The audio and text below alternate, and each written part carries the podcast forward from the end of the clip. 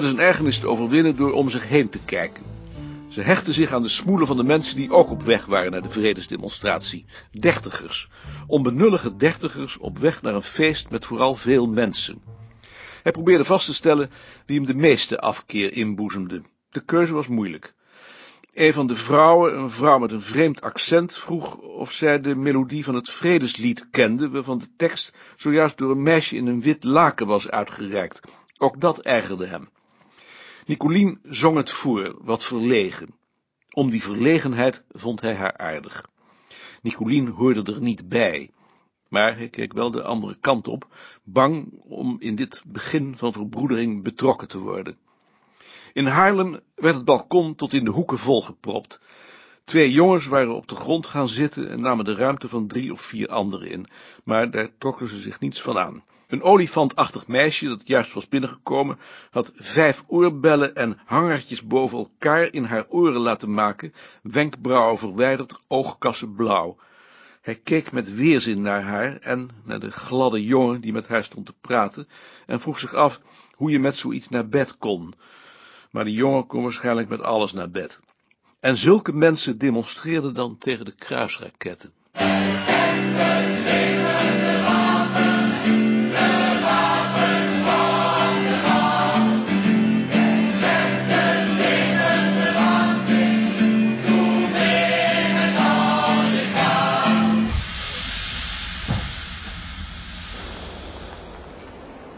Het kostte enige moeite om in Leiden tegen de stroom in de trein weer uit te komen. Nicolien was daar al vanaf Heemstede mee bezig. Ze zullen het wel gek vinden.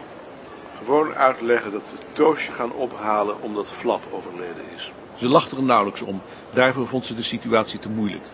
Op het perron wilde ze wachten tot de trein weg was, een soort eresaluut. Hij schikte zich daar met moeite in.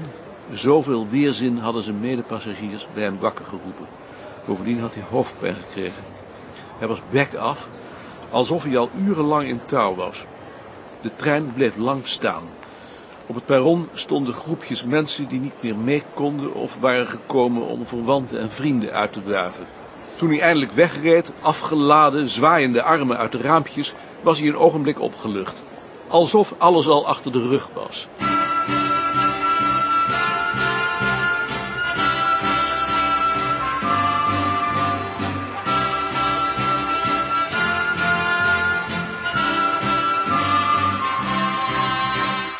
Vinden jullie dat het mee kan gaan? Ik kan toch een paar aspirintjes nemen. Of vinden jullie dat dat niet kan, met 38,3? Als je je maar dik aankleedt. Wat vinden jullie? Zal ik mijn transistorradio meenemen? Geef eens. Is wel verdomd zwaar. Maar die draag jij dan toch? Tuurlijk. Ik dacht dat alleen Surinamers zulke dingen hadden. Zal ik hem dan maar thuis laten? Omdat ik geen Surinamer ben. Nee, omdat hij zo zwaar is. Ben je gek? Ik ben toch niet van koek?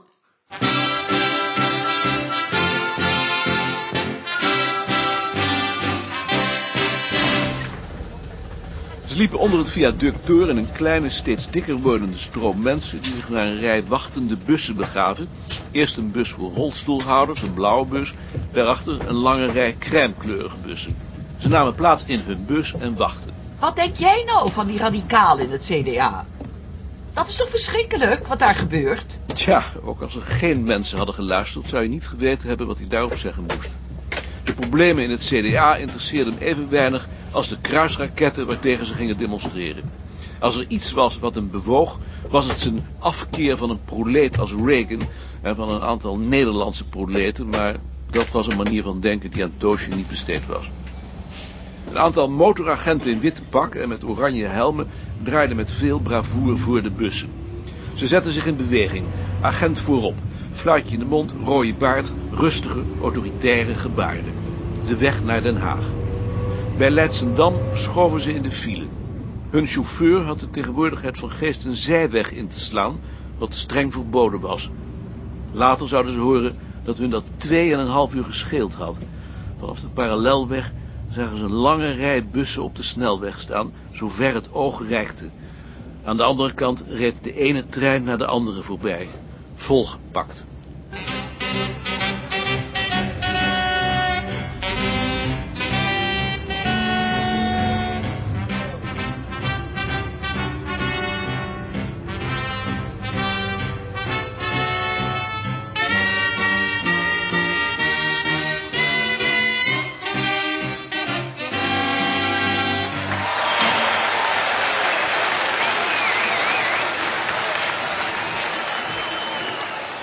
De Brinkhorstlaan. Op het viaduct stond een trein te wachten. Aan de kop van de stoet die uit de bussen was gestapt, liepen ze eronder door. Toosje wuifde naar de mensen die uit de ramen hingen. Er werd teruggewuifd. Wuiven! Hoi!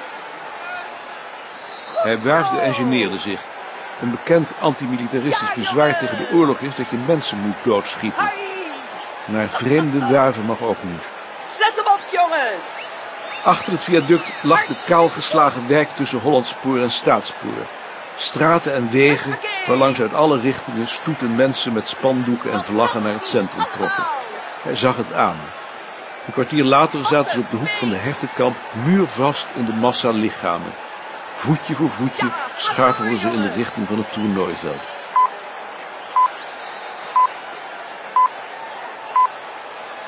Het is tien uur, Radio Nieuwsdienst verzorgd door het ANP. Op het Centraal Station in Den Haag komen sinds een uur een gestage stroom demonstranten aan voor de betoging tegen kernwapens. De spoorwegen melden dat de treinen uit Amsterdam zo vol zijn dat reizigers op de stations na Haarlem soms op de perrons moeten achterblijven. De politie van Den Haag zegt dat inmiddels ook de eerste bussen in Den Haag zijn aangekomen. Die bussen krijgen wel het advies de speciaal aangegeven routes te volgen, anders worden ze teruggestuurd, aldus de politie. Wat zeggen ze? Ik kan niet verstaan, de batterijen zijn niet zo best meer. Toosje sprak iedereen aan. Hij kon zich nergens bergen. Het ging langzaam. Het duurde een half uur voor ze in de Mensenzee het toernooiveld opdreven, op 30 meter afstand, onbereikbaar van de groep boerinnen die gratis melk stonden uit te delen in het kader van de actie Koeien tegen kruisraketten. De massa begon ritmisch in de handen te klappen. Het geluid kwam van ver, uit de richting van de Amerikaanse ambassade, zwol aan, golfde over hen heen en hield enige minuten aan tot het weer uitstierf. Toosje en Nicolien klapten fanatiek mee.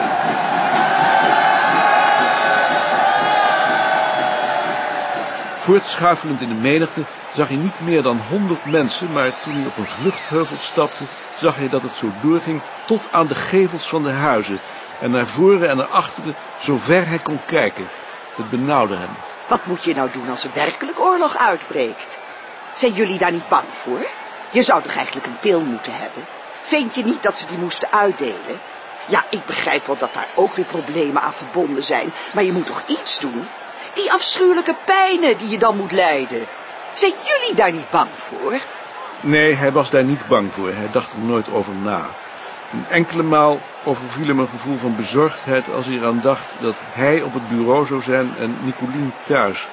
Maar voor zichzelf, het ontbrak hem eenvoudig aan fantasie. Toosje had veel fantasie. Ze griezelde toen ze langs de gevangen poort schoven. Zijn jullie daar wel eens in geweest? Ik zou niet durven, geloof ik. Dat lijkt me zo afschuwelijk, al die martelwerktuigen. Ik geloof niet dat ik dat zou kunnen aanzien. Al pratend probeerden ze voortdurend harder te gaan dan de massa, door elk gat voor zich te benutten, terwijl zij, vermoeid en wat geïrriteerd, achter haar blauwe wollen muts aanliepen. Hoor je nog wat op die radio? Batterijen hebben begeven. Stel je voor dat er nu oorlog uitbrak. Hé, hey, Jasses! Je zou de paniek meemaken. Ik moet er niet aan denken. Nee, daar wil ik niet aan denken. Kijk, Vroom en Dreesman is open. Daar kunnen we batterijen kopen.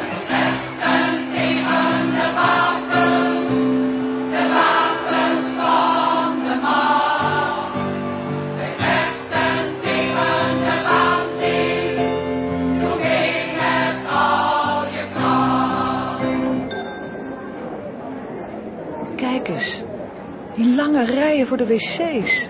De afdeling batterijen. Waar is de afdeling batterijen? Kunt u mij zeggen waar ik de afdeling batterijen kan vinden? Niemand wist het. Hij wist al lang dat je zoiets op eigen kracht moet vinden. Toen ze daarin tenslotte geslaagd waren, wilden ze dat de juffrouw achter de kassa, een oliedom opgeverfd meisje van in de twintig, ze erin zette. Omdat de lunchroom overvol was, verlieten ze voor een Dreesman weer door de achterdeur.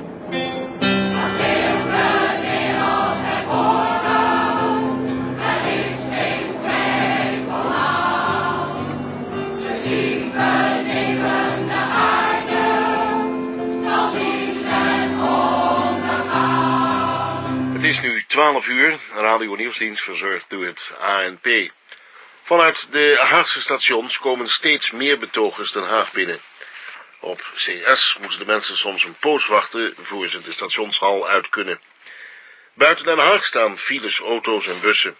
Op de vluchtstrook tussen Ipenburg en Leidsendam stond in de vluchtstrook een muziekband te spelen, band te spelen, band te spelen om de wachtenden bezig te houden. Ja, ik maak me zo langzamerhand af. Waar het nou gezellig is, het Malieveld, het Zuiderperk of hier langs de snelweg.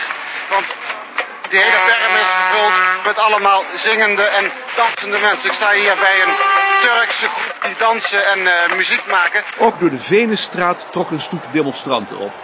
De koffietent op de Kalvermarkt was gesloten. Voor de ingang van de boterwaag speelde een popgroep. Het was een oorverdovend lawaai. Ze liepen eromheen omdat volgens Toosje ook een achteringang was. Maar daar stonden in de steeg alleen plassende mannen. Teruggekomen bij de popgroep glipten ze achter hen om naar binnen.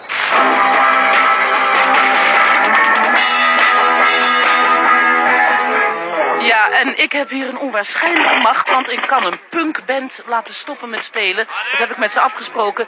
Hier, uh, het is hier, net als overal, een onafzienbare mensenmenigte. Wij staan een beetje op een stoep achteraf.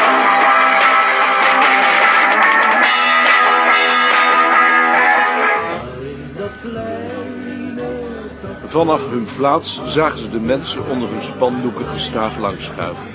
Bijna geluidloos. Eén voor één bezochten ze de wc. Hier kun jij, maar ik hoef niet. Ja, je moet.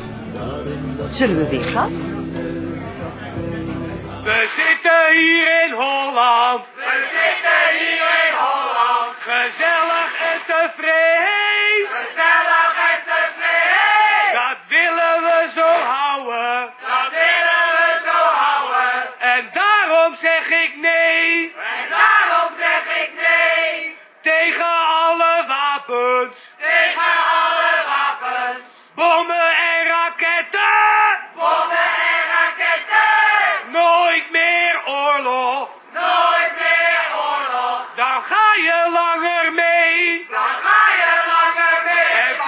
Mee.